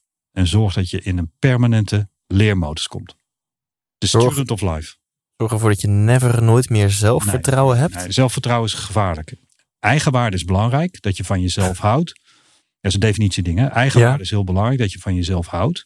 Eh, en eigenwaarde kun je heel snel bouwen door afspraken met jezelf te maken en daaraan te houden. Eh, ik ga vanavond voor elf in uur bed, niet om vijf over elf, want dan gaat het is een mechanisch systeem. Gaat, je, gaat je eigenwaarde omlaag. De Ja, wacht even. Je zegt even iets heel interessants. Want dat is inderdaad, eh, zodra je, als je je al niet kan houden aan de afspraken met jezelf. Dat is heel gevaarlijk. Want dan gebeurt er op onbewust niveau iets van ja, maar dan, dan ben ik Ja. blijkbaar niet te vertrouwen. Precies. Toch? Dus als je jezelf Exact. voorneemt, ik ga vandaag geen chips eten. Ik ga vanavond maar één serie kijken. Ik ga om 11 uur naar bed. Ik ga morgen om 6 uur opstaan. Ik ga morgenochtend sporten. Doe jezelf een cadeau en doe dat echt. Want elke keer als je dat dus niet doet, is eigenlijk een, een, ja, een eh, stapje omlaag in je, in je vertrouwen in jezelf. Ja, dat is precies, precies wat ik probeer Maar goed, dat is ergens goed, want zelfvertrouwen is niet goed. Nee, nee, maar dat is eigenwaarde. Dat is- oké, even- eigenwaarde. even nieuwe definitie. Ja, ja, Dus ja. eigenwaarde is hou je van jezelf of niet. Hoe bouw je eigenwaarde? Minder afspraken maken met jezelf. Dan hoef je niet aan Ja. wat te houden. Dus, dus Ja. de, de perfectionist heeft een lage eigenwaarde. Ja. Dan heb je naast eigenwaarde... je- Je, knalt er soms ook eventjes weer in. Je zei net ook al iets als de, de, de insecure overachiever of zo. En toen ging je weer verder met je verhaal. Oh, en, en, en, en nu, eh, wat zei je nu nou? Nou, nou, nu, nu me- zei me- ik een paar dingen. Ik zei het zelfvertrouwen is niet belangrijk. Toen geef ik, gaf ik nieuwe definities. Eigenwaarde is belangrijk van jezelf houden. Niet veel afspraken maken. Want perfectionisten maken zoveel afspraken met zichzelf... dat ze nooit eigenwaarde hebben. En dat is oh levensgevaarlijk. ja, dat zei je. Ja, heel eigenwaarde? Ja. Daar moet je aan bouwen. Dus perfectionisten hebben een lage eigenwaarde. Dat zei je. Daar ging ik even op aan. Oké, ja, ja. binder Dus- dan dit. ja. Dus de, dus de eigenwaarde is belangrijk om aan te bouwen. Daarnaast heb je zelfverzekerdheid. Zelfverzekerdheid in een nieuwe definitie betekent dat je de zekerheid hebt dat je de juiste skills hebt. Die moet ook omhoog. Ja. Dus werk aan jezelf. En ze- zelfvertrouwen, nieuwe definitie, betekent dat je zeker weet als ik dit doe, heeft dat Hmm. het resultaat. Is dat het resultaat? En die onvoorspelbaarheid is niet fijn. Nou, ik weet dat ik goede skills heb in, in een klein vakgebied en die kan verbeteren. Dus mijn zelfverzekerdheid is hoog. Mijn eigenwaarde is ook hoog. Ik hou van mezelf en ik weet dat ik bijna helemaal niets kan, maar een paar dingen kan ik goed. Dus dat zit ook goed. Mijn zelfvertrouwen, dus mijn voorspellende, voorspellende voorspelbaarheidsfactor, dat ik weet dat als ik dit doe, ik ook een succes behaal, die is niet hoog. Wat je dus merkt, is als je zelfvertrouwen hoog is, is dat je bijna niet meer leert. Hmm. Omdat jij denkt, hè, denk aan het voorspellende brein, van mijn brein voorspelt een succes, oh, dan hoef ik niet naar jou te luisteren. En dan ga je verder. Dus zelfvertrouwen is levensgevaarlijk. Dus ik wens iedereen met een knipoog eh, heel weinig zelfvertrouwen toe. Want je weet gewoon niet wat het leven je geeft. Maar je kunt wel werken aan je skills. Je kunt wel werken aan dat je gewoon accepteert dat je bijna niks kan. En die paar dingen die je kunt, kun je versterken. Ja, en dan is het gewoon werk aan de winkel. En dat is, ik zeg het snel en makkelijk, maar dat is het niet. Ja. Dat is Ja, echt maar de ik vind het heel tof. Je, je weet eigenlijk een bepaald paradigma in de zelfhulp. Hè. De- dus diep van binnen ben je goed genoeg. En dat ergens bevestig je dat ook. Maar je weet ergens dat paradigma ook gewoon overboord te flikkeren. Van nee, het is juist goed om jezelf er bewust van te zijn. Ik ben nog niet goed genoeg. Of in mijn gedrag ben ik nog niet goed genoeg. Weet je wat is, Thijs? En daar Nee, baal ik echt vertel. Daar baal ik van, man. En, en ik heb er zelf ook gewoon, eh ben er de- ook debet aan. Ik heb ook, er klopt heel veel niet in, in zelfontwikkelingszien. Nou, we zitten op een uur. Now we're getting started. Ja, De, nou, dames en heren. Misvattingen in de zelfhulp volgens Ja, ja, Anatol. Ja, ja, ja, precies, precies. Nou, dat is, al, dat is al de disclaimer. Nou, een heel mooi voorbeeld. Ik heb jarenlang aan zalen verteld. En heb ik echt vanuit mijn hart gedaan. Dat ik het ergens heb gehoord. En heb getraind. Heb ik verteld. Mooi. Ik heb het uit mijn hart gedaan omdat ik het ergens had gehoord. Ja, Ja, ja? ja, ja, nee, maar ik geloofde erin. oké. oké. Dus, voorbeeld. Mensen met doelen die opgeschreven zijn, die behalen hun doelen beter. En dan gaven wij als trainers gaven wij het volgende voorbeeld erbij. Ja, er was een, een studie van de Harvard University. En die zei van, uh, of van, van middelbare school. Hadden ze een klas. En, en de, de, drie kinderen die hadden opgeschreven. wat ze dan precies als doelen wilden. Die hadden uiteindelijk na 20 jaar. die zouden ze dan 20 jaar gevolgd hebben. Die hebben na, na, na, na 20 jaar meer inkomen in, in eh, dollars. dan de mensen die hun doelen niet opschreven. Dat heb ik gewoon 10 jaar verkondigd. Toen ben ik gaan uitzoeken of dat onderzoek ooit gedaan is. Niet. Niet gedaan. Er is geen bewijs dat written goals beter werken. Is er niet. Maar dat heb ik dus. Ja, ja, ja, ja, ja, ja. Oké, dus dat is misvatting 1. Ja, dat is dus een misvatting. Dus, maar er zijn wel andere manieren om, uh, om, om dat te zetten. De andere misvatting is, is daar hint ik net al naar, dat is de stimulus-responswereld. Een heel groot deel van onze scene is, dat gebeurt er, dan moet je zo reageren. En, en er zijn bepaalde technieken zoals anchoring of zo, daar moet je op een andere manier op reageren. Die werken wel, meestal. Maar dat heeft met iets anders te maken. Je brein is ongeveer 20 tot 30 procent, pakt 20 tot 30 procent van alle energie die je dagdagelijks naar binnen drinkt en naar binnen eet. Dat is een bekend uh, fenomeen. Het grootste gedeelte van, van die energie wordt besteed aan voorspellen. Maar dat betekent dus als ik jou zie glimlachen, dat ik vanuit stimulus-respons paradigma reageer op jouw glimlach. Dat doe ik dus niet. Ik had al voorspeld dat je ging glimlachen, of niet. En ik ben al aan het reageren voordat jij glimlacht. En dat is allemaal te meten hierboven. Omdat ik micro-cues in je gezicht zie. En ik denk zelf na over wat ik allemaal weet en jij allemaal weet. En jij vond het bijzonder geestig wat je deelde. Dus je dacht, hij zal wel gaan glimlachen. Zo, zoiets, zoiets. Dus, dus dat is een tweede misvatting. Wij leven in een wereld waar wij continu aan het voorspellen zijn. En dat betekent dus ook dat in deze onvoorspelbare tijd zoveel mensen moe zijn. Ja, het komt omdat er heel veel schermpjes zijn. Normaal kijk je naar één mens en nu zie je 49 schermpjes met mensen. Daar kan ons hoofd niet bij elkaar rekenen. Jij kijkt naar twee Thijssen nu, want je keek ook even naar eh, de, tv waar ook... Uh, ja, precies. Drummen, ja. ja. En, en, en dat is waar, maar het is vooral dat mensen niet meer kunnen voorspellen. We weten gewoon niet meer wat er gebeurt in die new normal. We weten het gewoon niet meer. Nou, we kunnen we dus heel slecht omgaan met onzekerheid. Ja, dus dat is mis, misvatting 2, uh, misvatting stimulus-respons. Nee, je moet zorgen dat je meer reist, meer leest, meer podcast luistert, meer YouTube kijkt, meer naar Khan University gaat. Waarom? Omdat, en dan komt er een waar we heel lang over kunnen praten, maar ik raak hem eventjes aan. We praten allemaal over diversity. We praten allemaal over het inclusiviteitsprincipe. Ja, de, we zijn allemaal mensen, we zijn gelijk man. Maar jij als mens hebt een heel belangrijk principe om te overleven. En dat is uh, het behoud van energie.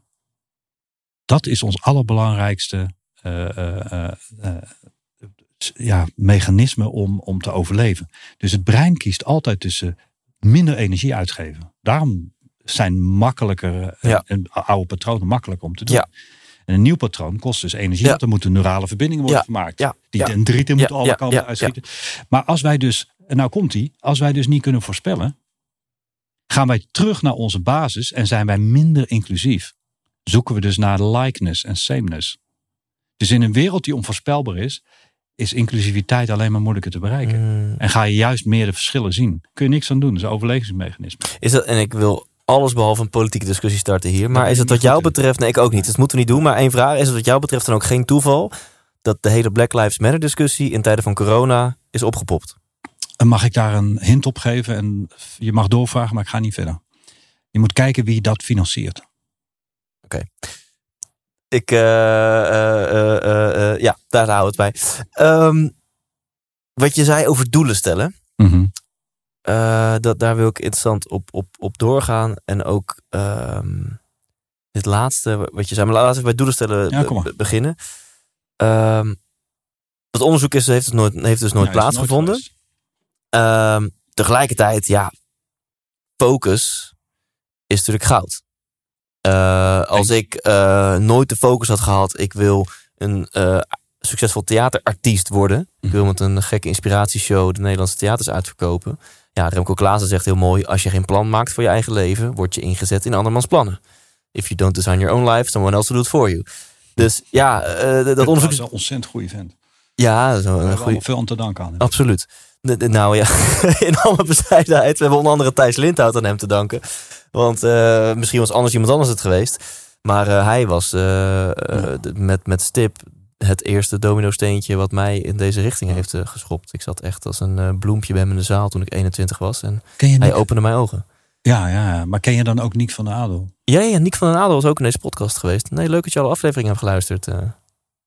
Ja, al die 100 plus. ja, dat is een grapje. Ja. Nee, der ken ik ook, ja. ook, ja. Die, Ja. die heeft bij ons de, de, de, die, die 15-daagse opleiding gevolgd. En dat was Ah, heel wat bijzonder, tof. want hij, hij, hij kwam in deze opleiding zonder rolstoel. En eh, daarna heeft hij een eh, ongeluk gehad. En Ja. toen is hij nog een keer gekomen Ja. met rolstoel. Dus een hele bijzondere vent. En Rem- Remco Klaassen is ook een, een hele bijzondere. Ja, Maar goed, even dan mijn vraag. Want ja, het, het- ja, tuurlijk, het is toch wel zo dat als je doelen stelt, dan is de kans toch veel groter dat je ze haalt. Als je geen doel hebt, dan zeg je toch tegen de wereld, ja, stuur me maar een kant op, maar eh, mij maakt het niet uit. zeker. Helemaal mee eens. En zo is het ook. Maar je zei, je zei in je vraag, eh, of je inleiding zei je, focus. Ja. That's it. Ja. En dat komt omdat we heel veel prikkels binnenkrijgen. En je moet focus maken. Die 24 uur, die krijg je gratis. Ja. Die gaan namelijk altijd om. Nou, en dan over wat je zei over eh, dat we nou, in deze tijden van onzekerheid, dat we juist, eh, nou, je, je hint op iets, hè, dat inclusie eh, vinden we dan eigenlijk alleen maar lastiger. Ben ik wel voor overigens. Dat, dat geloof ik. allemaal tegelijk. Ik vind Nee, dat- geloof ik. Over landsgrenzen en dat vind ik allemaal raar. Ja, nou, zeker meer. dat kleine jongetje weer. Van, dat is toch allemaal, zijn toch allemaal prachtige poppetjes op deze aardkloot. Nou ja, zonder dan, dan ehm, en als dat zo overkomt, komt maar zo over. Want ik bedoel Mhm. mezelf niet op mijn borst te kloppen, maar ik heb echt nog nooit in mijn leven is de gedachte in mij opgekomen dat iemand dat dat geslacht of huidskleur, dat jou dat in essentie meer of en en dat get dus dus precies. Ik dus, het gewoon niet. Ja.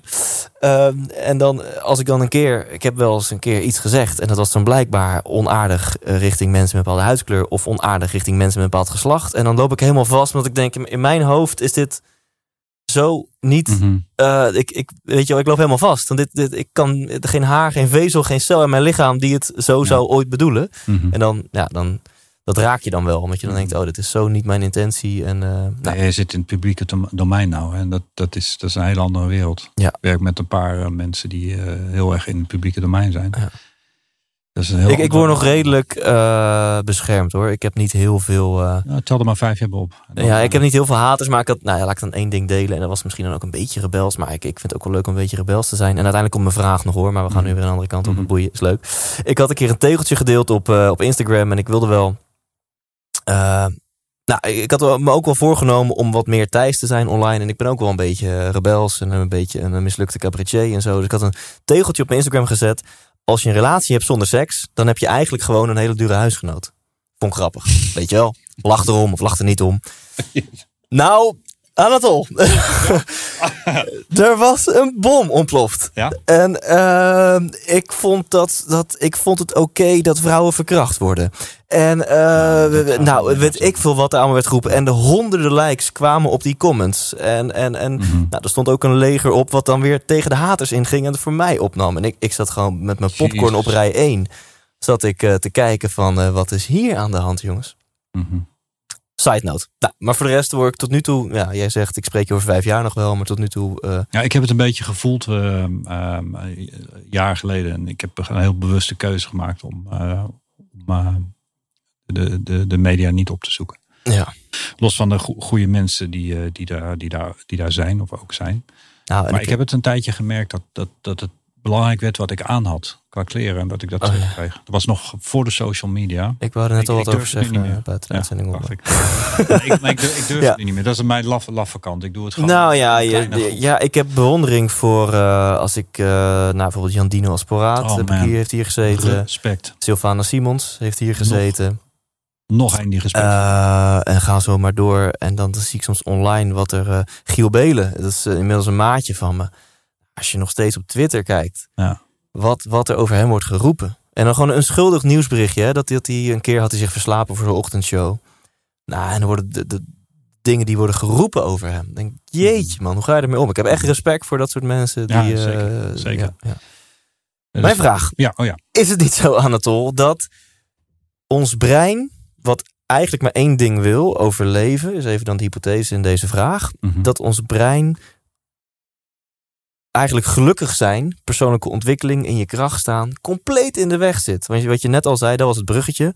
Mhm. Je brein is lui. Je brein wil altijd kiezen voor de makkelijke weg. Mhm. Dus je brein wil veel liever een zak chips dan een zak wortels. Je brein wil veel liever bank hangen, Netflixen dan dat je naar de sportschool wil. Je brein wil veel liever een beetje timeline scrollen dan dat je een echt gesprek in verbinding met je partner wil voelen. Eh, Richard Telet die zegt altijd: je brein is echt super gevoelig voor drie dingen. Eén, luiheid. Dus hoe meer energie je kan besparen, hoe beter. Mhm. Twee, zoet en zout. Nou, in deze wereld super verslaafd zijn aan zoet en zout. ook een beetje bij. Vet. Mhm. Eh, en de derde, prikkels. Je brein houdt van prikkels. Want prikkel kan ook een sabeltandstijger betekenen. Dus eh, ja, eh, rennen of vluchten of whatever. Samengevat. Ja. Ja, de, oftewel, lange inleiding, vraag. Is het niet zo dat ons brein, ons oerbrein, de natuur van ons brein, gewoon het hele concept gelukkig zijn mega in de weg staat? Ehm, nee, niet direct. Want het heeft allemaal te maken met, en ik heb niet de juiste Nederlandse woorden voor, bij- managing by expectations. Of managing the expectations. Als jij verwacht dat jij een complete atletische stud bent, als jij alleen maar rotzooi eet, dan gaat er iets mis. Ten eerste, chemisch gezien is het moeilijk om gelukkig te zijn als je die verkeerde chemie in je lijf hebt. Want elke emotie is chemie. Dus als je dat, de, de rotstoffen erin gooit, dan klopt dat niet. Dan heb je dus je verwachting verkeerd gemanaged. Want jij denkt dus een heel gelukkig mens te zijn met, met een prachtig mooi lijf. Maar je gooit er allemaal rotzooi bij. Dit is gewoon niet handig. Dus als jij gewoon tegen jezelf zegt: Ik moet gewoon wat minder willen. En wat minder helpen. eh, wat minder hebben en wat minder zijn. Eh, ik moet gewoon tevreden zijn. Maar ik wil wel groeien. Want tevreden is ook weer gevaarlijk. Maar ik, wil, ik moet wel tevreden zijn, maar ik wil groeien. Dan heb jij veel meer kans op geluk dan dat jij zegt. Ik heb ooit in een opleiding gehad. Een man gehad Thijs. Die, die, was begin 30 en die zei. Toen we een rondje maakten van wat wil je dan bereiken. Die zei: Ik wil. Echt met staal. staal dus ik wil 200 miljoen euro op mijn bankrekening over zes maanden. Oké, nou. Ben ik, ik ben er wel voor om heel erg groot te denken. Dat probeer ik ook te doen. En dan probeer ik mensen ook mee in te helpen om gro groter te leren denken. Maar ik moet zeggen, ik had er wel moeite mee. Want ik, ik denk 200. Maar er was wel iemand die al een paar miljoentjes had staan of wat Nee, aandelen. Niks. Oh. Niks, niks. niks. Was, Oh. Was, niet echt, zullen we dan zeggen, niet echt daar, daar nog mee bezig. Maar in één keer vo- vond hij dat. Nou, dan kun je de kant op gaan. Maar waarom wil je dat? En zo ben ik niet opgegaan. Ik heb, ik heb gewoon hem erin gelaten. Maar ik dacht zelf, dit is niet realistisch. Zes maanden, 200 Ja, miljoen. ja. En hij had niet eh, Nee. ijzers in het vuur die z- zouden leiden. Oké, nou ja. Oké, dit is, dit is een, een, een, een, een waanillusie. Ja. Nou, ik ga niet de therapeut uithangen. Dus ik heb hem voorzichtig in de pauze gehint van misschien moet je eens met een ander doel werken. Dat is hij gaan doen. Maar dit, dit, dit is een waanillusie. Die man kan niet gelukkig zijn in die zes maanden daar naartoe. En al helemaal niet op de dag nadat die zes maanden verlopen zijn. Dus wat moeten wij als mens leren? Eh, en dat, dat is pittig, maar dat moeten we echt leren. Is managing our expectations naar jezelf toe. Ik heb, ik heb dingen van mezelf eh, eh, verwacht die zo heftig waren. Niet voor een ander misschien, maar voor mij. Dat is me niet gelukt. Het is me niet gelukt om de beste trainer te worden, de beste coach te worden, de beste cameraman te worden, de beste regisseur te worden, de beste broer te worden, de beste vader te worden, de beste lover te worden. Het is me niet gelukt. Als ik me dat voorneem, dan word ik gewoon nooit gelukkig. Maar als je gewoon bij jezelf denkt, oké, ik heb nu de kennis, ik luister naar deze podcast of ik heb een boek gelezen en het brein wil suiker, zout en vet. Oké. Het brein wil lui zijn in de zin van niet te veel dingen doen die heel anders zijn, want dat kost energie om te leren. En ja, naast die luiheid wil ik ook wel wat prikkels hebben. Dus ik wil wel onder de knop een Netflix hebben of een eh, leuke, leuke film. Ik zeg maar iets. Als dat jouw verwachting is, dan ga je eerder gelukkig zijn. Maar dan moet je niet verwachten, en dat betekent dus dat je moet studeren, eh, in wat je dan ook doet, maar verdiep je ergens in, dat jij gewoon geen gezond lichaam gaat krijgen als je de hele dag frikandellen eet. Maar in die tijd dat je frikandellen, weet je. Er zijn ook conspiracies die zeggen dat vitamine niet bestaan. Hè? Dat, eh, Zeker. En ik heb de laatste conspiracy gehoord. Is dat iemand beweert op een, een, een, een hele belangrijke podcast naar miljoenen mensen. Dat cellen niet bestaan. En toen haakte ik af. Ik sta voor heel veel open, Ja. ook voor conspiracy theories. Wil ik best wel een keer naar luisteren. En de meeste conspiracy theories blijken uiteindelijk na 25 jaar waar te zijn. Niet allemaal natuurlijk, maar I don't know. Ja. Maar dat cellen niet bestaan, oké, daar Nee. haakte ik af. Nou, laten we die dan ook vooral parkeren. Ga verder. Zeg ik, maar uiteindelijk, uiteindelijk als jij zelf dus, dus heel hele heftige dingen gaat voornemen en hele heftige verwachtingen hebt, dan kun je gewoon niet gelukkig worden. Want je, je kunt Ja. niet onderuit, eronder uit dat het zout is dat je het lekker vindt. Ja. Ik vind het namelijk gewoon veel lekkerder om een Chinees met fetching te eten dan zonder fetching. Ja. E621 geloof ik. Het is niet handig, 621, schijnt. En ik voel ook dat mijn benen trillen als ik echt veel Chinees eet in bed. Maar toch is het lekkerder om met Beijing te eten. Omdat mijn lichaam van zout houdt. Mijn tong of wat dan ook. Ja. Dus ik hoop niet dat ik in rondjes draai en herhaal. Maar Nou, nu krijg ik allemaal eh, haatmail van Chinezen natuurlijk. hè? Nee, Chinees is fantastisch. Man. Oké. Ik ben een totale fan van Ja. Chinees eten. Dat, dat is fantastisch. Alleen Beijing, het doet iets met mijn lichaam waar ik niet blij van ben. Maar het eten op zich is fijn. Maar als mij, daar wil ik eigenlijk naartoe. Als mijn verwachtingspatroon is dat ik me gewoon hartstikke lekker voel. Terwijl ik al geleerd heb dat door te veel Beijing ik me niet lekker voel. Dan mag ik niet meer verwachten door mijn, Ja. mijn grootste hobby's, Chinees eten. Mag ik niet verwachten dat ik door heel veel Ja. Chinees eten me goed ga voelen. Ja. Ja, dus het is misschien een beetje een, een intelle- intellectuele insteek.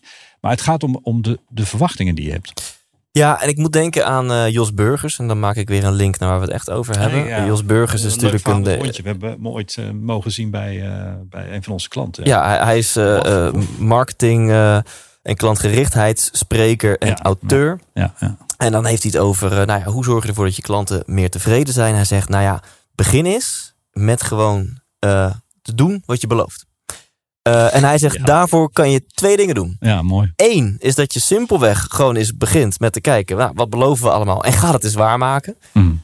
Maar hij zegt twee, die is nog veel belangrijker. Ga gewoon eens wat minder beloven. Want jullie beloven wat op je website. Mooi. Gegarandeerd binnen 24 uur een offerte. En eh, weet je, dat soort dingen. Daar is Ikea goed in, hè? Die beloven gewoon helemaal niks. Ja, en dat is heel geloofwaardig. Ja, dan weer, ja. weten we van Robert Cialdini. Maar in het leven geldt natuurlijk ook zo. En dan zegt onze vriend Robbins... Ja, eh, je bent gelukkig when life conditions meet your blueprint. Dus jouw blueprint, jouw blauwdruk is hoe jij vindt dat het leven zou moeten zijn. En als jouw leven matcht met hoe jij vindt dat het leven zou moeten zijn... dan kan je eigenlijk ontspannen. Denk je, ah, het is zoals het zou moeten zijn. Ik sta mezelf toe om geluk te ervaren. Mhm. Dus ja, dat is volgens mij ook waar jij het net over had. Ja, je, het is mooi om doelen te hebben, om focus te hebben. Blijf groeien. Hè? Heb niet te veel zelfvertrouwen. Blijf nieuwsgierig. Eh, eh, en zorg er ook voor dat je niet te veel verwacht. Want dan is het eigenlijk veel makkelijker om gelukkig te zijn. Zeker, daar ben ik bij heilig van overtuigd. En dan, en dan niet, niet zeuren dat je niet gelukkig bent als je een keer eh, griep hebt. Of je hebt een keer eh, eh, iets verkeerds gegeten. Want dan is het heel moeilijk om gelukkig te zijn. Ja. Ik heb in India iets verkeerds gegeten. En ik heb 2,5 dag het gevoel gehad dat ik dood ging.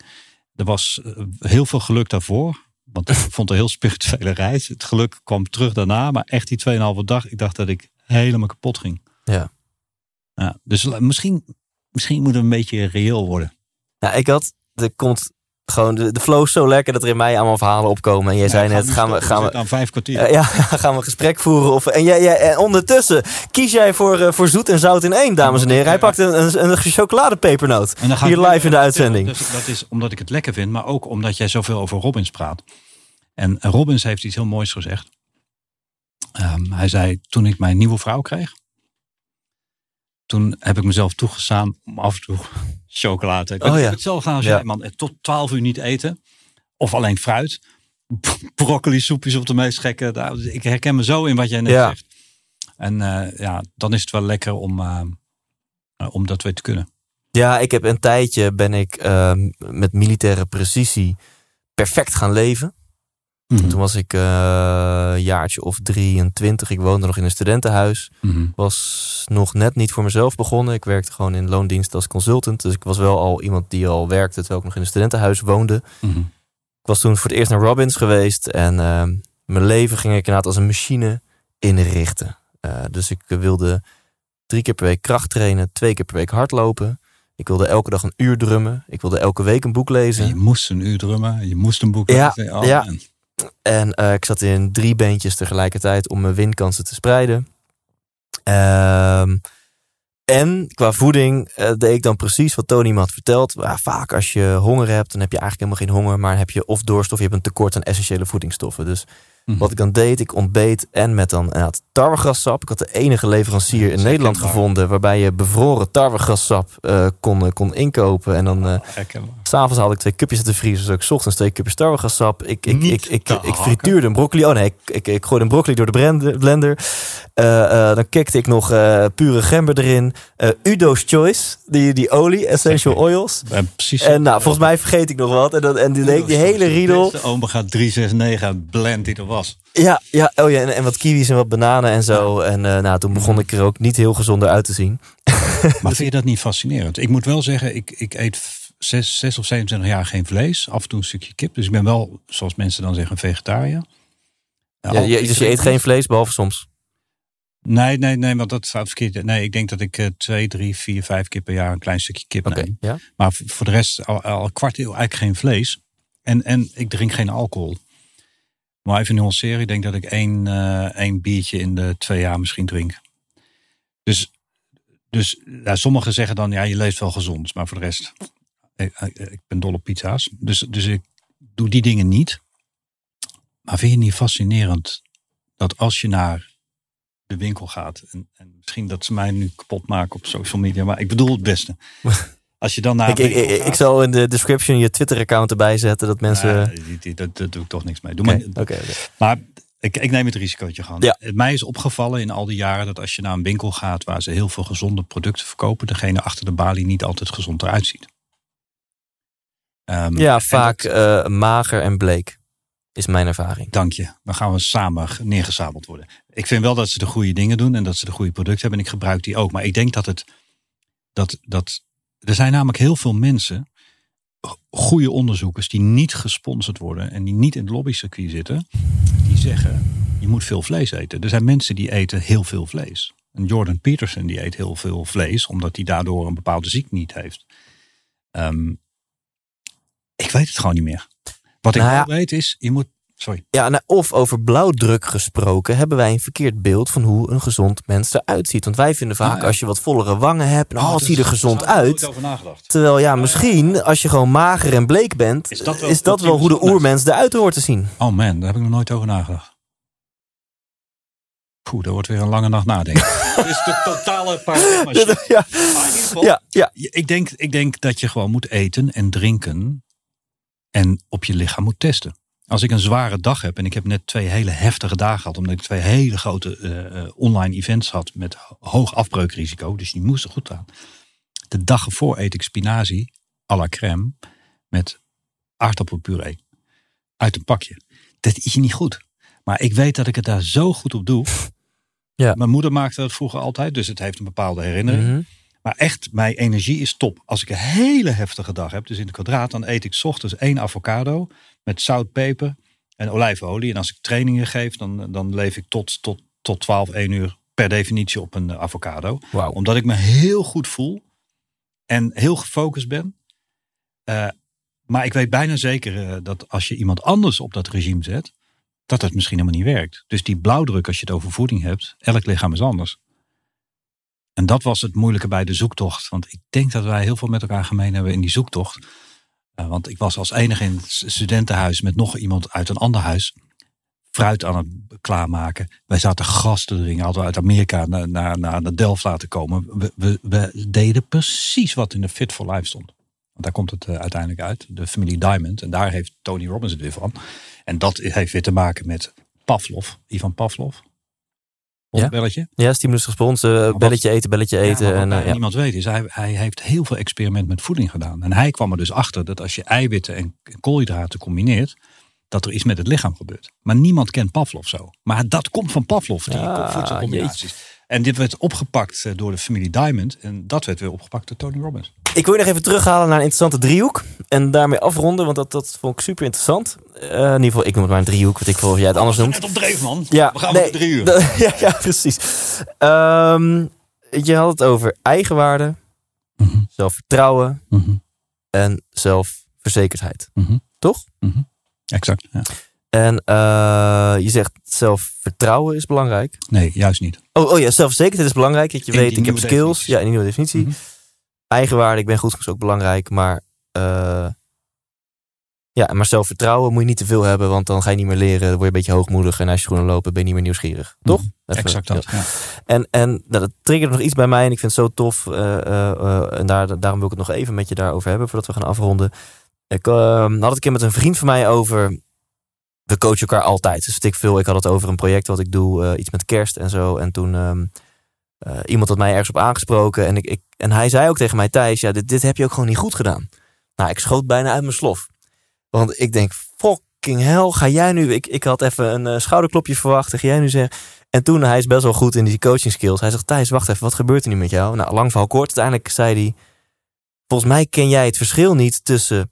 Je, bent, je hebt het niet goed gedaan en je bent niet goed genoeg. Op het moment dat ik zeg, je hebt het niet goed gedaan, hoor jij, je, ik ben niet goed genoeg. Dat is iets heel anders. Je bent hartstikke goed genoeg. Je hebt alleen dit niet zo goed gedaan. Je had die e-mail echt anders moeten opstellen. Dat was voor mij zo'n giga eye-opener in mijn leven. En ehm, nou, wat wil, wil ik hiermee zeggen? Als je inderdaad je eigen waarde heel erg laat afhangen van jouw output. En voor heel veel ondernemers is jouw output je Exact. bedrijf. Exact. Of gewoon je werk. eh, maakt niet uit of je ondernemer met een verloondienst. Exact. Als iemand jou dan, als voor jou, jouw eigen waarde voor 10% uit jezelf komt. En voor 90% eh, uit, eh, uit jouw output. Hè, dan is dat jouw taartdiagram van jouw eigen waarde. Als iemand jou dan aanspreekt op die output. Dan voelt het voor jou alsof iemand gewoon even 90% van jouw eigen waarde afwijzen van de kant schuift. En dat doet heel veel pijn. Mooi. En ehm, nou, dit wil ik gewoon de luisteraars meegeven. Want dat heeft op mij mega veel indruk gemaakt. Dat ik sindsdien kijk ik er echt zo anders tegenaan. Van ja, wacht even. Ik kan inderdaad wel tegen mezelf zeggen. Ik heb dit niet goed gedaan. En tegelijkertijd kan ik bij mezelf voelen. Maar ik ben wel goed genoeg. Daar heeft het niet mee te maken. Exact. Het is geen vraag, maar je gaat vast Ja. nu praten. Nee, Oh, ik ben het helemaal met je eens. oké. Gregory Bateson heeft hier, eh, heeft hier heel veel mooie dingen Ja. over geschreven. Daar, daar, dat is, daar, daaruit is weer heel veel ontstaan. Oké. Een, groot, een groot deel van de personal development scene is dan ook weer eh, vanuit Gregory Bateson. Dat identiteit niet hetzelfde is als gedrag. Dus je zegt tegen je kind thuis, wat je nu doet is echt gewoon niet goed. Maar ik hou heel veel van Ja. je. Je bent heel goed, maar wat je doet is kloten. Ja. En dan scheid je, het klinkt een beetje gemaakt nog, maar jij beschrijft het eh, eh, eh, zoals je het eigenlijk wil hebben. Je gaat jezelf niet meer kapot maken, maar je skills zijn gewoon nog niet goed genoeg. Of je hebt gewoon een stomme keuze gemaakt. Ja. Maar jij bent prima. Oké, ik wil wat eh, promotie doen en daarna eh, heb jij nog ruimte voor, wat, eh, voor een slotwijsheid. Want op Thijs... Oh, ja, ja, ja, mag je even zenuwachtig voor worden.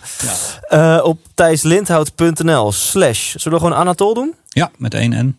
1N, A-N-A-T-O-L. Op thijslindhout.nl slash Anatol vind je een, een workshop doelen stellen. En in 35 minuten leer je hoe je doelen voor jezelf stelt, zichtbaar maakt en bereikt. Met onze unieke methode kan je direct aan de slag. Maar dit is dus gewoon gratis, hè, lieve luisteraar. Dit is niet 10 euro, 100 euro of 1000 euro. Gewoon Gratis. op thijslindhout.nl slash Anatol. Wil je nog iets toelichten over die workshop? Niet in de laatste plaats, omdat je in het interview hebt gezegd dat doelen stellen niet werkt. Nee, ik hoef niks toe te voegen.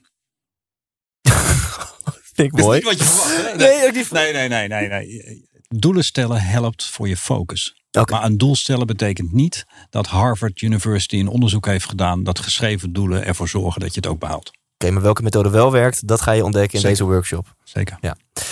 Tot slot, eh, is er nog een misvatting over de zelfhulp die we nog hadden moeten behandelen? Want daar ga ik heel goed op. Dan eh, kunnen we nog een derde erin gooien. Eh, best wel veel. Maar ik denk dat ik, dat ik tegen mezelf en tegen anderen moet zeggen in onze scene. Nou, wie ben ik? Ik wil niet de moraalridder zijn. Ik, we zijn gewoon aan het ontdekken. Ehm, don't give yourself a hard time. En don't give people a hard time. We zijn gewoon mens. Ja, en, en wat bedoel je met don't give yourself a Nou, hard soms time? willen we te veel van, eh, van, van onszelf. Soms willen we te veel van een ander. En als trainers willen we misschien soms te, te veel voor die ander. Don't give yourself a hard time. Voor iedereen is een tijd. Voor iedereen zijn eigen weg.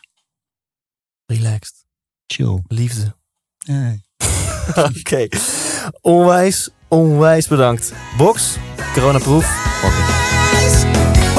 100% wijs! En dan ga ik afronden voor jou als, eh, als luisteraar. Check uh, thijslindhout.nl slash Anatol. Ja, A-N-A-T-O-L. Maar je ziet het ook in de description staan en in de link behorende bij deze podcast. Nou, onthoud dat je dus op eh, YouTube eh, gewoon een dag sneller bent. Dan kun je al tof doen eh, richting je vrienden dat jij de episode al wel hebt eh, gezien. En eh, op eh, maandag komt het natuurlijk altijd gewoon op je favoriete podcast app online. ik vond dit een heel erg leuk gesprek van 1 uur en uh, 28 minuten met Anatol. Ik hoop jij ook. Nou, als je dit ziet of luistert, dan neem ik aan het antwoord ja is, want je hebt hem helemaal afgeluisterd. Uh, dus onwijs bedankt daarvoor. Tof dat je deze podcast checkt.